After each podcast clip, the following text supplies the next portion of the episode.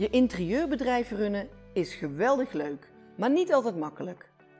Ik ben Marigon, ik heb knetterveel ervaring als stylist en ontwerper. Ik ken de interieurbranche op mijn duimpje en ik laat je graag nieuwe invalshoeken zien voor waar jij als interieurprofessional tegenaan loopt. Nederlands is Nederlands toch? In de meeste gevallen is dat helemaal waar. Maar niet als het gaat om gesprekken met je klant. En dat bedoel ik vooral communicatie naar je klant. Want ik zie om me heen dat de plank nog wel eens behoorlijk mis wordt geslagen. Welkom bij mijn wekelijkse podcast waarin ik jou heel graag inspireer om anders naar je bedrijf te kijken en vooral de valkuilen te voorkomen waar ik zelf in ben gestapt. Spreken in dezelfde woorden als je klant is eigenlijk de beste manier om te laten zien en te laten voelen dat je hem begrijpt en dat je daarmee verbinding maakt. En dat gaat ook zeker bijdragen om de communicatie te verbeteren, omdat de boodschap bij je klant dan meteen rechtstreeks in zijn hart naar binnen komt. Ik heb er ook een mooi voorbeeld bij. Ik heb ongelooflijk veel interieuradviezen gegeven, echt flink over de duizend de afgelopen 25 jaar. Veel bij mensen thuis, maar ook regelmatig op woonbeurzen. En dat is echt ontzettend leuk om te doen. Vooral heel erg dynamisch, want je moet heel snel schakelen en de mensen in een hele korte tijd inspireren en snel op weg kunnen helpen. En het was in de begintijd van de smartphones, ik denk zo rond 2005 of zo, dat mensen steeds meer met foto's en filmpjes op hun telefoon naar mijn adviezen kwamen op een beurs. En nu kun je het je haast niet meer voorstellen dat je dat niet op die manier zou doen, maar toen kwam dat net op. En ik had een leuk stel aan mijn tafel en ik begon met het stellen van een paar vragen om alvast een eerste beeld te krijgen van een interieur.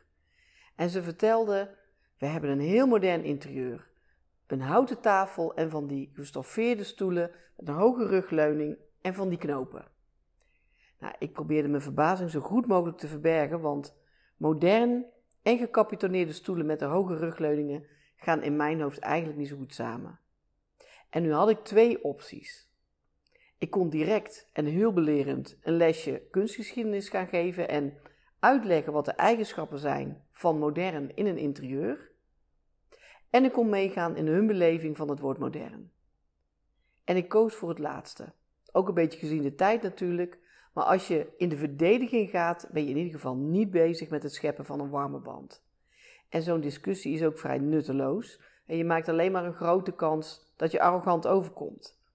Dus ik gebruikte gewoon ook het woord modern, maar ik wist tegelijkertijd wel dat ik niet met heel moderne nieuwe stoelen moest aankomen zetten. Hun modern was gewoon landelijk en dat was helemaal prima. En het loont echt om goed te luisteren naar de soort woorden die je klant gebruikt.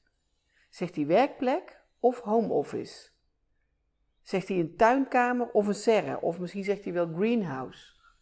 En gebruikt je klant een flinke dosis humor in zijn verhaal? Of is hij serieus? En als er grappen worden gemaakt, kun jij dat gerust ook doen. Sterker nog, ook dat schept een band. En sommige mensen nemen zichzelf nou eenmaal wat minder serieus dan anderen. En ga dan ook gerust mee in die vibe. En andersom natuurlijk ook. Als je een opdracht hebt bij je statig notariskantoor, heb je wellicht een andere tekst in je gesprekken. En daarmee zeg ik trouwens niet dat notarissen niet grappig kunnen zijn. Uit hoe jouw klant zijn probleem omschrijft, haal je vaak ook wel wat precies van je verwacht wordt. En als voorbeeld geef ik nog even dat thuiskantoor. Als je klant zegt: Ik ben op zoek naar een interieurontwerper die mijn home office kan transformeren naar een ruimte met een professionele uitstraling, dan heb je een totaal andere klant voor je als dat iemand zegt: Ik moet thuis fatsoenlijk kunnen werken. En je tone of voice op jouw website zal daardoor ook een bepaald type klant aanspreken. En het begint dan met het kiezen voor u of jij. En ben daar dan ook heel erg consequent in. Hè? Gebruik het niet door elkaar. Heb je vooral klanten uit de formele zakelijke markt, dan kan u best wel op zijn plek zijn. En met jij ben je gewoon wat laagdrempeliger. En er kunnen ook verschillende aspecten een rol spelen bij die keuze, bijvoorbeeld cultuur of de achtergrond, leeftijd misschien of uh, wat iemands functie is. En ben je iemand van lekker korte leesbare teksten of gebruik je graag veel woorden met poëtische, fantasievolle bijvoeglijke naamwoorden om je verhaal te vertellen. En allebei is goed. Ik geef er echt geen oordeel over. Het gaat erom dat jouw stem letterlijk de juiste snaar raakt. En als je een beetje rebels bent, dan mag je klant ook best wel opschudden of zelfs lichtelijk chockeren. Met als doel dat die klant zich alleen nog maar meer aangetrokken voelt tot jou. Als ik om me heen kijk en websites van interieurontwerpers bekijk, dan zijn ze vaak zo voor elkaar inwisselbaar. Naam foto veranderen en we hebben er weer een niet-zeggende website bij. Zorg ervoor dat je er bovenuit springt. En ja, heel goed, hiermee jaag je mensen weg.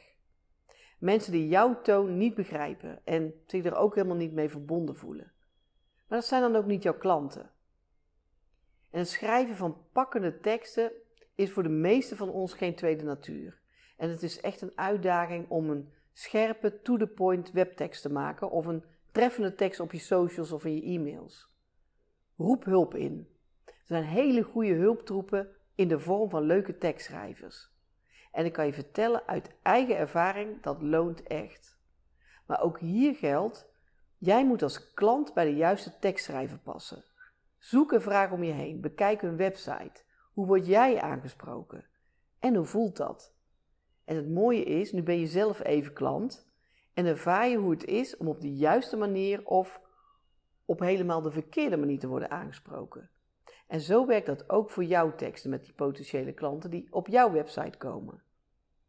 En wil je toch graag zelf schrijven, wat ik me helemaal goed kan voorstellen, gun jezelf dan een blogcursus of een schrijfcursus. Want daar leer je enorm veel van. En dat weet ik ook echt uit eigen ervaring.